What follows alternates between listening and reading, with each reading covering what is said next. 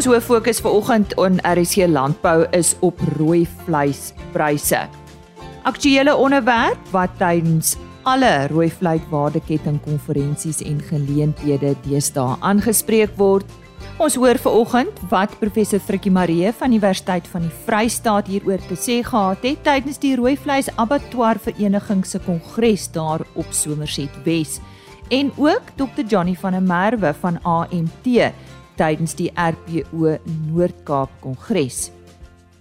Verder gesels Willie van Heerden van Merino SA oor hulle adviseurs kursus wat eh, verlede week in Middelburg in die Karoo aangebied is. En daar's natuurlik ook vir oggend veilingnuus. Goeiemôre, dis Lise Roberts wat groet, so lekker vroeg en hierdie koue maandagooggend 19 Junie. Jy is ingeskakel vir RSG Landbou.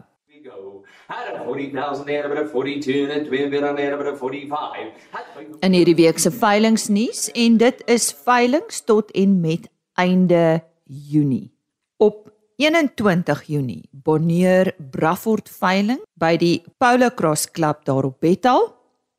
Op 22 Junie die 24ste produksieveiling van Serfontein Bonsmaras van Nico Pieterse.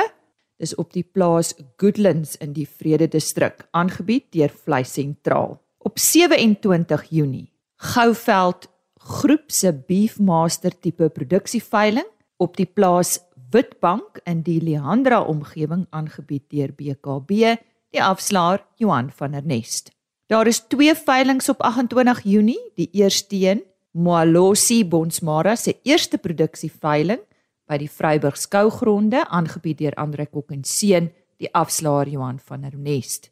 En dan natuurlik die tweede een op 28 Junie die Boshoff Bonsmara genetika met ruggraat produksieveiling aangebied deur BKB in die Delmas Leandra omgewing. En dit is dan veilings tot en met einde Junie.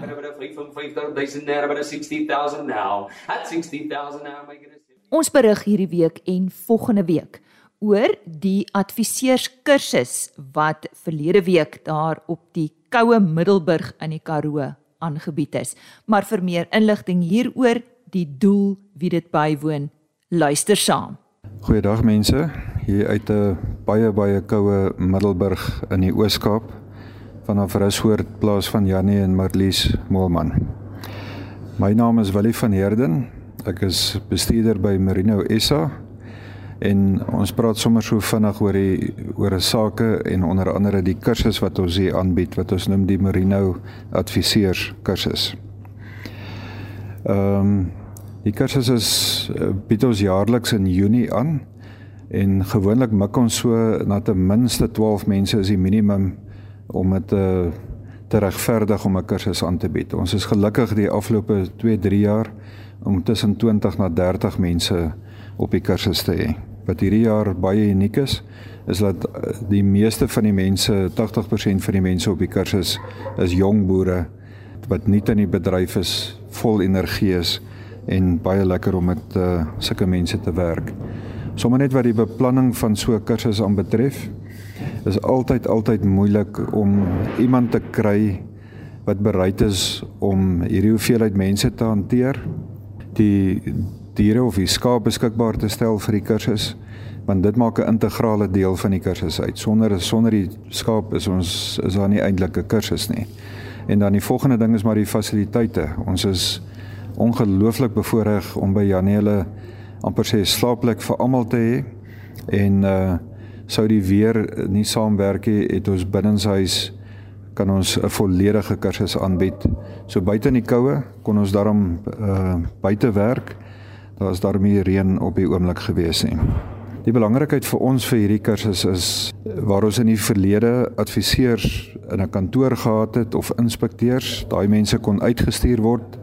Dit het ons nie meer nie. So wat ons nou doen op hierdie stadium, al hierdie mense wat kwalifiseer as adviseurs, veral die ouens wat ook as skaap en wol beamptes of tegniese uh, adviesbeamptes uh, van OVK en BKB help ons met keurings, met beoordeling by skoue om die ras te promoveer. Uh, ag en daar's 'n legio ander goed wat hulle ook vir ons doen. So dit is 'n baie baie belangrike faset van Merino SA is om jaarliks kursusse te hou. My ander groot mikpunt sal ek sê is om die mense lief te maak vir 'n Merino.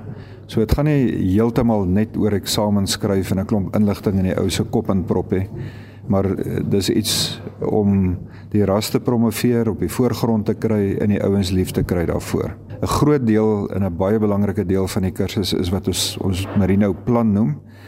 En daai Merino plan as jy beplan om stoetboer te word, lê die hele plan uit van waar jy begin, die hoeveelheid diere om 'n stoet aan die gang te kry uh van stamboek aan 'n kant uit diere wat geblab word ensovoorts word alles in daai Merino plan eh, saamgevat.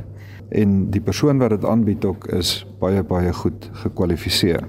As jy die kwalifikasie sou verwerf as 'n jong man, is dit ten minste nog 'n ding op jou CV, nog 'n stukkie ervaring wat jy by jou lewe voeg en dan hopelik het ons jou genoeg beïndruk om dan nou vir 'n Merino lief te wees. Die een belangrike ding wat ek vergeet het om te sê is dat in hierdie kursus is die skoner geslag meer as welkom en ek het nou nog nie 'n kursus by betrokke gewees of aangebied waar daar nie vrouens ook die kursus ehm um, bywoon en dan ook baie baie goed doen. Party mense het net die natuurlike aanvoeling om 'n goeie skaap van 'n meer 'n minderwaardige skaap uit te ken. So hulle doen net so goed. Baie dankie dat julle kon luister na my.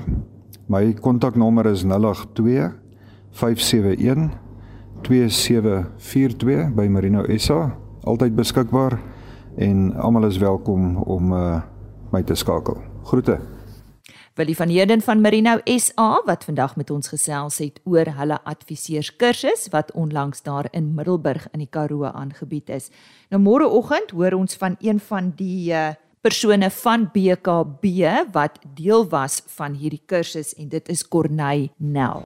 Die afgelope tyd het heelwat vrae in die rooi vleisbedryf en veral van produsente opgeduik oor die al groter wordende verskil tussen karkaspryse en speenkalfpryse en of die hoë karkaspryse abnormale marges tot gevolg het. Om meer duidelikheid hieroor te kry, het ons met professor Frikkie Marie van Universiteit van die Vrystaat gepraat. Hy was een van die genooide sprekers op die Rooi Vleis Abattoir Vereniging se kongres en konferensie wat onlangs by die Lord Charles Hotel in Somerset Wes gehou is.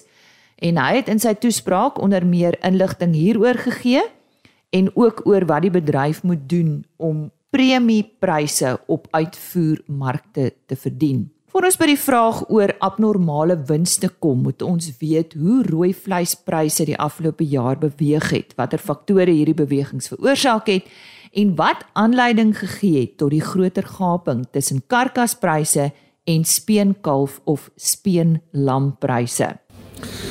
As ons gaan kyk na die pryse van besenskaap karkasse oor die laaste paar jaar, het ons gesien dat 2018 die laaste jaar met 'n redelike normale prys was en toe het ons 'n redelike groot prysdaling in 2019 gesien. 2020 was 'n moeilike jaar met COVID wat veroorsaak het dat die beespryse vir al die raai sterk inperkingsperiode redelik laag gebly gebly het terwyl skaappryse eintlik redelik goed gedoen het met verbruikers wat meer vleis by slaghuise gekoop het aangesien ander um kitskos ensovoorts toe was. Toe 2021 en 2022 was twee uitsonderlike jare met karkaspryse en ons het regtig goeie pryse gesien totdat die einde van 2022 begin 2023 aanbreek en ons gesien het dat die karkaspryse van beide bees en skaap weer begin daal. Nou hierdie prysdaling um is sleg, maar die pryse is nog redelik op die vlak van die vorige jaar of die jaar voor dit en daar was nie so groot prysdaling nie. As ons gaan kyk na die speenkalfprys was die afgelope paar jare baie dieselfde gewees in terme van 2018 die laaste goeie jaar 2019 swakker en toe daai pryse ook beter gedoen. Maar wat nou gebeur het is dat die speenkalfprys baie en die speenlamprys baie skerper gesak het as die karkaspryse en dit veroorsaak dus dat daar heelwat groter marge tussen die speenkalf en die um of die speen lam en die karkaspryse dan van besenskaap kom. Nou hierdie marge as jy gaan kyk na die faktore wat dit beïnvloed is redelik verstaanbaar. Ons het die afgelope jare wat gesit met verskriklike hoë voerpryse. So vir die voerkrale was dit net duurder om produkte af te rond. 'n Ander groot faktor as ons gaan praat van load shedding of beerdkrag wat ons in Suid-Afrika het, maak verbruikers bang om 'n groot maat vleis te koop en hulle kyk na kleiner verpakkings wat noodwendig duurder is. 'n Ander probleem van load shedding is ook die feit dat jy goedkoper snitte van rooi vleis lank gaar maak metodes vereis en jy kan dit nie doen as daar nie krag is nie. Daar's nog vele ander faktore, maar dit is van die hoofbydraende faktors wat gemaak het dat daar 'n groter prysverskil tussen die om speenkalf en die karkaspryse kom. Ek dink 'n laaste ding wat mens dalk net daar kan noem is die feit dat weens beerdkrag en goedkoper snitte wat nie skuif nie, maar jy nog steeds 'n hele karkas verkoop, beteken dit dat die prys in die kleinhandel van jou duurder snitte baie dieselfde bly terwyl jou goedkoper snitte heelwat goedkoper word om so te probeer om nog steeds 'n marge op die karkas te kry. Hy het ook die volgende te sê gehad oor die vraag of abattoirs abnormale of buitensporige winste maak. Die slagpale maak nie groter wins op die stadium nie, maar hulle moet wel ander goed probeer om hulle marges daar te hou. Vleis is 'n vars produk en as ons gaan dink aan vries en koelkamers wat op elektrisiteit moet hardloop, moet daar kragopwekkers gebruik word, sonkrag geïnstalleer word wat teen 'n groot kapitaal uitleg en hoë dieselkoste kom. Nou aangesien die 5de kwart pryse redelik af is oor die laaste paar jaar en daar nie meer regtig 'n marge in is nie, lyk dit asof abattoirs tog begin het om nie meer die karkasse wat hulle aankoop vir dieselfde prys te verkoop nie, maar te probeer om 'n effense marge op daai per kilogram prys te sit wat dan ook die karkas en die kleinhandelprys op die ou end weer bietjie verder uitmekaar uitdruk. Ek dink egter ons moet hierdie hele ketting in ag neem en ons moenie die kleinhandelprys van vleis gaan vergelyk met die karkasprys as jy net na fillet of net sirloin steak kyk nie. Ons het einde verlede jaar 'n bietjie analise gedoen en pryse van 6 kleinhandelaars gevat. En as jy dit deur die bloktoets terugwerk al die verskillende snitte se rakpryse dan beteken dit en jy vat BTW wat 'n ekstra 15% is uit die prentjie uit dan beteken dit dat die marge op 'n beeskarkas tussen die abattoir wat hy aankoop en die finale verbruiker oor die hele karkas maar 34% is. Nou as jy gaan vat die hoeveelheid arbeid wat in vleis moet ingaan teen 'n 34% marge terwyl kleinhandelaars se duimmateriaal vir marges op produkte wat hulle net kan koop en verkoop, ag vat waspoeierseep vir 'n voorbeeld, ook 30% is, dink ons nie ons moet regtig kla oor die marge wat oor die ketting 30% op vleis is nie. 'n Groter uitvoermark vir rooi vleis word die laaste ruk gereeld voorgehou as die sleutel tot hoër produsentepryse en dus groter marges in die rooi vleiswaardeketting. Ons het vir professor Marie gevra of die plaaslike bedryf werklik gerad is om na die regte markte uit te voer om premiepryse te kan verdien. As ons gaan kyk na uitvoere van Suid-Afrika op hierdie stadium, voer ons 'n persentasie beesvleis uit en dan ook lewendige skaap het ons so jaar of twee terug uitgevoer wat tans bietjie stil staan en dan gaan bietjie skaapvleis uit. Maar ons uitvoerbedryf is beslis nie waar dit moet wees nie. Die eerste vraag wat opduik is, hoekom voer ons uit? Het ons te veel vleis? En die antwoord is nee, nie regtig nie. Ek dink die verbruiker in Suid-Afrika kan al die vleis benut, maar dan gaan ons prys op 'n vlak wees waar dit nie die moeite werd vir die produsent is nie. So wat tans gebeur is dat ons produkte waarvan ons basiese oorskot het, kan ek sê, produkte wat dalk nie deur ons ketting skuif nie uitvoer, terwyl ons in baie gevalle ook bees en skaapvleis invoer van ander lande af teen 'n heelwat goedkoper prys wat dalk 'n laer kwaliteit produk of 'n bevrore produk is wat weer goedkoper in die mark ingaan. As ons vir die pryssituasie in Suid-Afrika meer gunstig vir die produsent en die ketting wil maak, gaan ons egter ons uitvoerbedryf beter op die been moet kry. Nou back and close hier 'n paar jaar terug het gemaak dat ons uitvoermarkte basies sluit. Ons het ons uitvoerstatus verloor en ons voer tans net uit na Afrika lande en na die Midde-Ooste toe. Hierdie lande is egter nie premiemarkte nie en die vleis gaan baie uit vir dieselfde prys as wat die binnelandse prys um, van vleis is. So dit vat basies net die oorskot weg. Indien ons beter pryse wil beding, gaan ons moet kyk na Suid-Afrika se diere gesondheidssituasie, die ensof situasie, die back and closure situasie en ons gaan 'n oplossing daarvoor moet kry. En hierdie oplossing lê in 'n ordentlike naspeurbaarheidstelsel want dit beteken as daar weer 'n uitbreking van back and closure in 'n sekere gebied is, dan kan hierdie gebied basies afgesper word volgens die naspeurbaarheid um model en kan jy bewys lewer dat die diere wat jy wel slag gaan uitvoer uit ander areas uitkom en hierdie uitvoere kan aan voortgaan. Naspeurbaarheid in Suid-Afrika is iets waar ons al baie jare praat en elke tweede ou probeer amper sy eie stelsel op die been bring en wil sy eie ding doen en daar's 'n groot argument rondom verskillende stelsels en wat die stelsels moet kan doen. Maar op die ouend gaan ons moet besef dat ons 'n nasionale stelsel op die been gaan moet bring en aanvaar om regtig te voldoen aan die OIE se standaarde en vleis uit te voer sodat ons weer ons grense kan oopkry na die lande toe waar ons premies in euros, ponde en dollars op ons vleis kan verdien. Dit was dan professor Frikkie Marie van die Universiteit van die Vrystaat se departement landbou-ekonomie.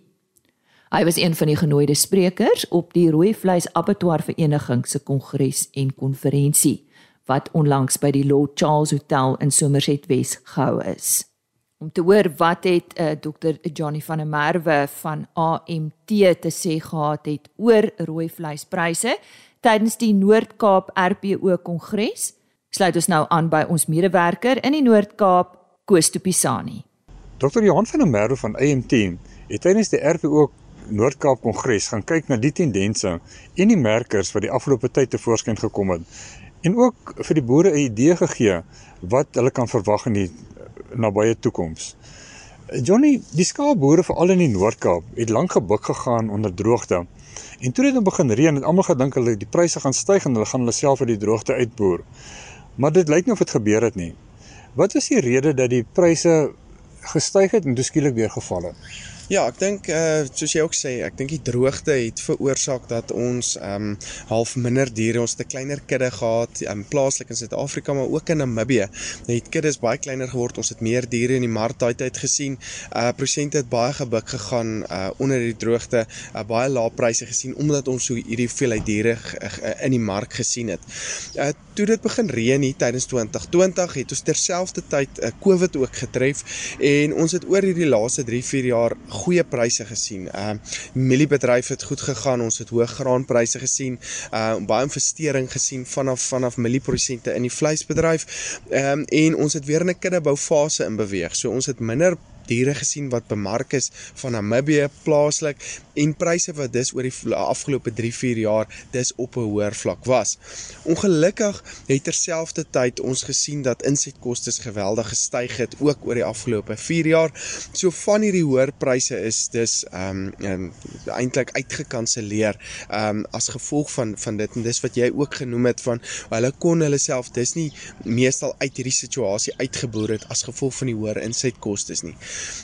Ons het ongelukkig nou gesien dat die tendens begin draai het. Ons is uit die kuddebou fase uit. Ons het meer invoere vanaf Namibië gesien. Plaaslik sien ons ook uh, nou baie uh, diere wat in die mark inkom. Die afgelope 6 maande het ons gesien pryse het nie die vlakke bereik wat ons wat ons uh, gewoond is aan die afgelope 3-4 jaar nie.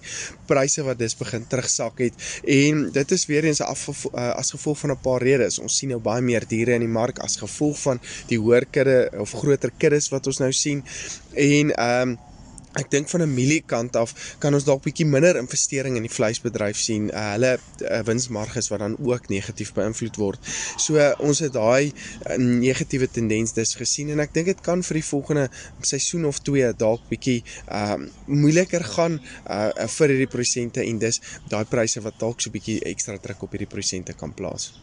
Wat is jou verwagting? Wat gaan die volgende jaar of twee gebeur? Moet produsente hulle gordels nog stywer trek of ehm um, dink jy daar is hoop in die in die, in die tonnel?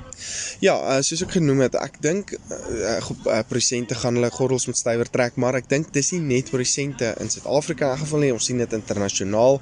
Uh, verbruikers gaan ook hulle gordels ehm um, um, stywer maak uh, as gevolg van hoë rentekoerse, hoër inflasie, uh, druk oor die algemeen op verbruik. Um, en as jy nou gaan dink aan die hoë rentekoerse wat ons die laaste tyd gesien het, uh, dit het 'n direkte impak op die die vraag na skaapvleis en spesifiek skaap en bees beesvleis aangesien dit jou hoër LSM groep verbruikers is wat gewoonlik lenings, karlenings, huislenings ensovoorts het. So jy sal sien daai uh, vraag gewoonlik na skaap en bees wat dis negatief beïnvloed word en ons het dit ook gesien gereflekteer in die pryse.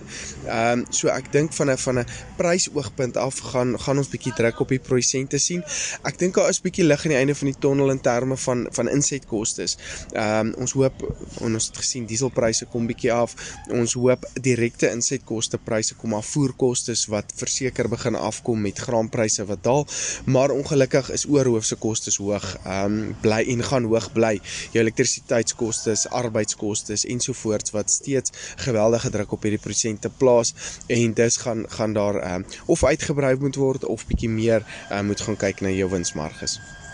Johnny, uh, dit is elkeen se wens om volhoubaar te boer, maar volgens navorsing is 66% van die vleisverbruik in Suid-Afrika is hoender en 22% is bees en 8% is vark en slegs 4% is skaap. Dink jy die skaapboere in Suid-Afrika het 'n kans om volhoubaar te kan boer?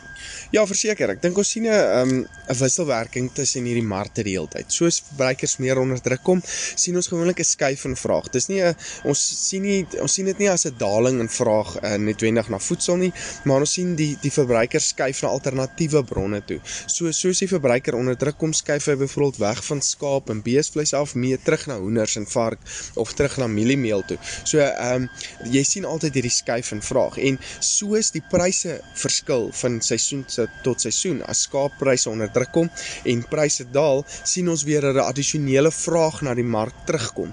So daar's altyd 'n geleentheid in terme van dit. En veral skaapvleis. Ek dink skaap gaan so 'n nisproduk in Suid-Afrika word en ons skaapprodusente wat kom ons 'n bietjie verder gelees van van van groot stede af uh, waar diefstal minder is, ehm uh, waar dit bietjie droër is wat skaap uh, beter produksie en beter produksie omstandighede is, uh, gaan ons sien gaan al hoe kleiner word en ek dink ehm um, dit gaan beteken die skaapproduksie in Suid-Afrika kan dalk ehm um, die areas waar jy suksesvol kan skaap uh, produseer in Suid-Afrika gaan kan kleiner word. En ek dink dis dit skep weer geleenthede vir die huidige skaapboere om hierdie mark ehm um, te vestig.